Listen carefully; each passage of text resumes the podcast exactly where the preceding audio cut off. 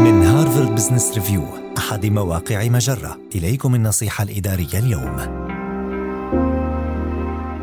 استراتيجيات فعالة لتنظيم وقت التعامل مع التقنية.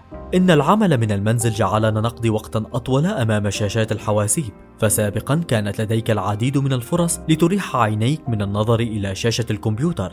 ولكن في الوقت الحالي أصبحت فترات الراحة من استخدام التقنيات قليلة. لذلك نقدم لك مجموعة طرق يمكنك باتباعها تقليل الوقت الذي تستخدم فيه الأجهزة التقنية. لا تلجأ إلى برنامج زوم في التواصل دون داع. فإذا كانت المكالمات الهاتفية ستؤدي الغرض استخدمها. وإذا كان بإمكانك توصيل رسالتك من خلال البريد الإلكتروني فعل ذلك.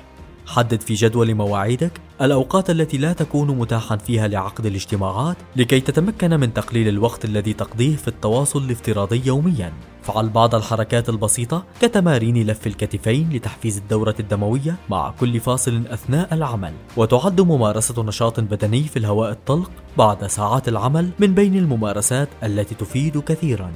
خذ استراحة خالية من الأجهزة التقنية. يمكنك تناول الغداء مع أسرتك بعيدا عن هاتفك الذكي وشاشة حاسوبك. هذه النصيحة من مقال خمس نصائح لتقليل الوقت الذي تقضيه أمام شاشة الكمبيوتر أثناء فترة العمل من المنزل.